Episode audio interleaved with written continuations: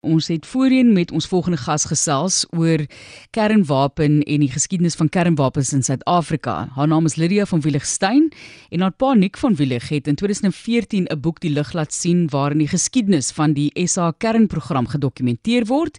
Die boek Die Bom, Suid-Afrika se kernwapenprogram, word dan in 2015 na Engels vertaal en in Wene bekend gestel. Nick van Willig was self betrokke by die plaaslike kernwapenprogram en het ook aktief deelgeneem aan die aftakelingsproses Die boek is nou weer beskikbaar. Nadat ons nou ook met haar gesels het, was daar baie belangstelling geweest. Welkom Lydia. Baie dankie Matthie. Kom ons gesels net oor Rusland se onttrekking van die kernwapenverdrag. Wat behels die verdrag? En natuurlik ook, jy weet Suid-Afrika is ons deel van die verdrag. Ons het mos nou nie meer kernwapens nie. Ja, so die die kerntoetsverbodverdrag wat in Engels bekend staan as die Comprehensive Nuclear Test Ban Treaty verband kerntoetse van enige aard. En hierdie verdrag is op 10 September 1996 deur die Verenigde Nasies se algemene vergadering aanvaar. Uh Suid-Afrika het ook die verdrag onderteken en in uh dit was nou in 1996 en in 1999 het Suid-Afrika die verdrag geratifiseer.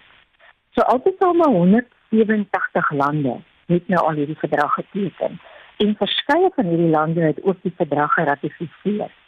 Nou, om verdrag te teken, beteken dat jy saamstem met die inhoud. Maar om dit te ratifiseer of bekragtig, beteken dat 'n land se parlement die verdrag se inhoud en bepaling as wetgewing aanvaar. Rusland het die verdrag geteken en geratifiseer, dit was nou in 2000.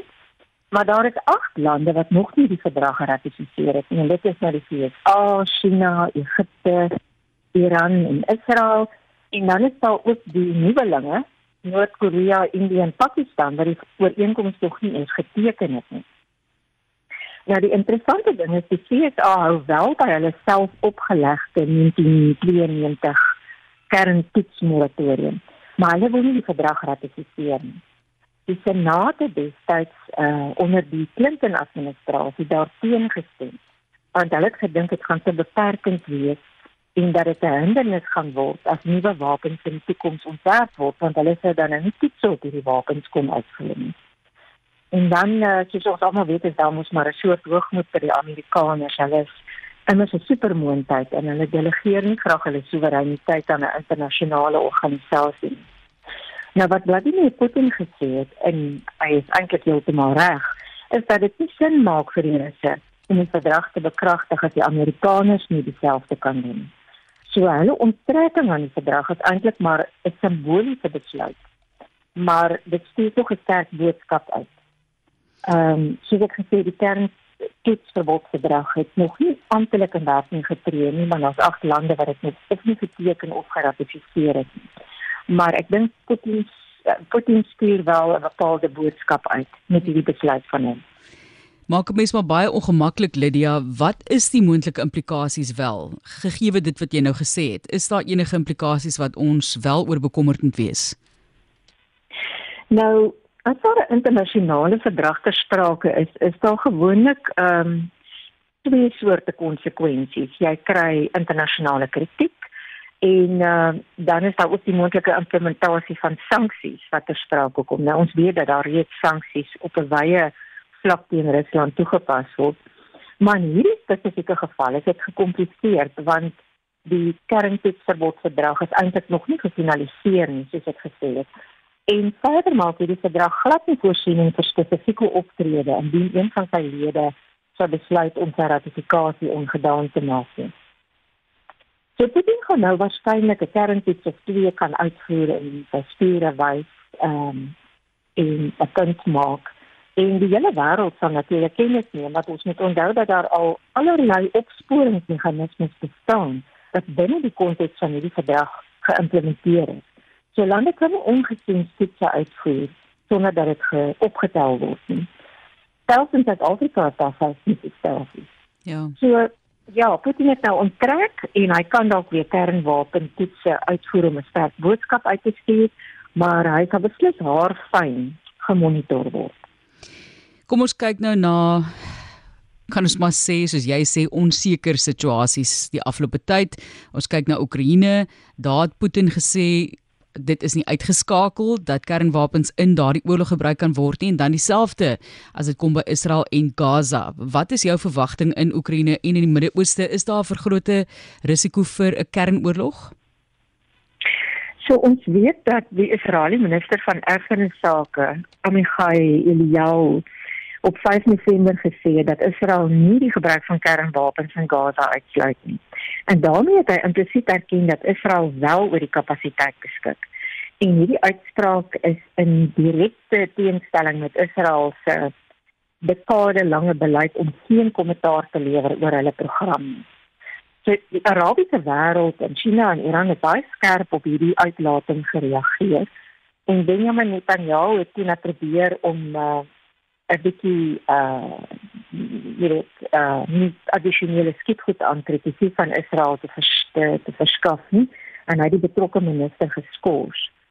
Ehm um, Israel se beleid ten opsigte van kernwapens was nog altyd een van dubbelsinnigheid. So hulle het nog nooit amptelik erken of ontken dat hulle oor 'n kernwapenprogram beskik nie. Nou in sekere kringe is daar mense wat reken dat Israel tot oor 200 kernwapens kan beskik en ons weet dat hulle waterstofbomme ook kan ontwikkel. Ehm um, in Suid-Afrika het net soos Israel tot en met die beëindiging van die plaaslike kernwapenprogram 'n soortgelyke beleid geswyg en 'n gevolg en ons het geswyg oor ons kernvermoë. Ehm um, hier skryf ons uitvoerig in ons boek en uh, vir diegene wat dalk meer wil weet oor die Israeliese program is daar ook 'n interessante hoofstuk in die boek daaroor. Nou, ehm um, jy vra nou of daar 'n groter risiko is vir 'n kernoorlog. Ehm um, jy sê genoem het dit net nou al 'n paar keer gesê die afgelope paar maande dat die Russe nie sal huiwer om kernwapens in Oekraïne te gebruik as 'n bedreiging vir die kapasiteit wat hy gebruik het. Maar kan mens nou mooi daaroor gaan dink? As Putin nou so graag vir Oekraïne wil hê en potensieel wil inlei by Rusland. Hoekom sal hy die gebied met 'n kernbom teiken en hele plek met sy inwoners en infrastruktuur en sluit in Europa se grootste kernreaktorkompleks by Zaporizhzhia kontamineer. Die langtermyn konsekwensies is net te erg. Die die radioaktiewe gekontamineerde grond en water en die perspektief van duisende dooie mense. Ehm um, wat dit betref, sal hy waarskynlik soos ek gesê het nou dat hy onttrek het dat die verdrag nog 'n kerntoets of twee laat uitvoer en hy begraaf natuurlik die Amerikaners wat dit skrik op die lys ja. Maar ons moet onthou, uh die Russe het in 1990 laaste bom getoets.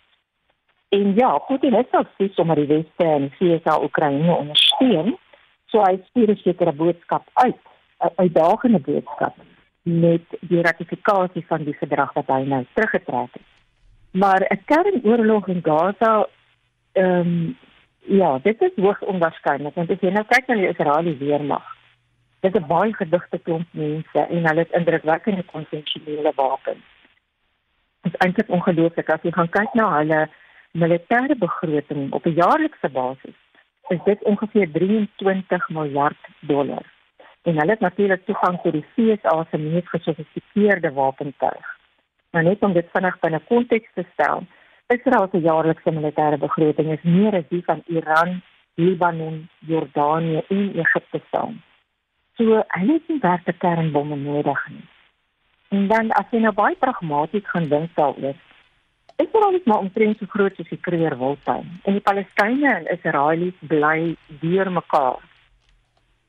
So as jy Israel gaan bombardeer met kernwapens, ja. gaan jy Israelies en Palestynë uitwis. Jy jy weet dit is eintlik 'n onmoontlike situasie. En as jy nou bietjie meer op 'n streekslag gaan kyk, dan is die enigste plaaslike moontlikheid moontlik buite Israel uh wat oor kern uh wapens beskik die aardvyand van Israel naamlik Iran en ons weet hulle finansier die Hamas en Hezbollah groepe en dit is 'n uh, feit dat Iran al genoeg hoë gereedte vir Iran geproduseer het maar volgens uh al die deskundiges uh wat ek nou in die laaste tyd uh wie se werk ek gelees het het Iran waarskynlik nog nie die bomme daarmee gebou nie. So 'n kernwapenaanval deur Iran op Israel lyk ook hoogs onwaarskynlik. Ehm um, en dan miskien kan ek net ten laaste sê ons moet onthou dat kernwapens nog nie twee keer in die geskiedenis van die mensdom gebruik is. En dit was by Hiroshima en Nagasaki aan die einde van die Tweede Wêreldoorlog. So, kernwapens ehm um, word maar eintlik gebruik as afskrikmiddels. So die idee is om as mense te wys waartoe jy in staat is. Maar massavernietiging maak tog geen sin. Hoekom gaan jy jou vyand wil uitwis as hy presies dieselfde aan jou gaan doen? Dit is praat nou nie van mense wat 'n paar skote afvuur. Ons praat van werklik groot skaalse vernietiging.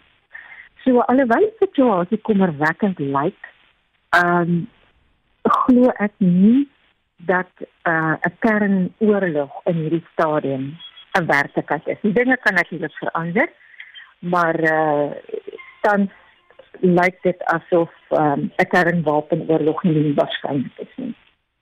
En daarvoor is ons baie baie dankbaar. Dankie vir die insig ook vandag en dit is Lydia van Willigstein wat met ons gepraat het. Sy wat saam met haar pa al die jare ook gewerk het om daai boek wel saam te stel, Nik van Willig en dit is die boek Die Bom. Suid-Afrika se kernwapenprogram. Sy het vir ons insig gegee in hierdie saak wat ek dink die oomblik as iemand praat van kernwapens dan raak 'n mens baie baie ongemaklik, maar daar's ons nou vir jou baie mooi konteks gegee oor die saak.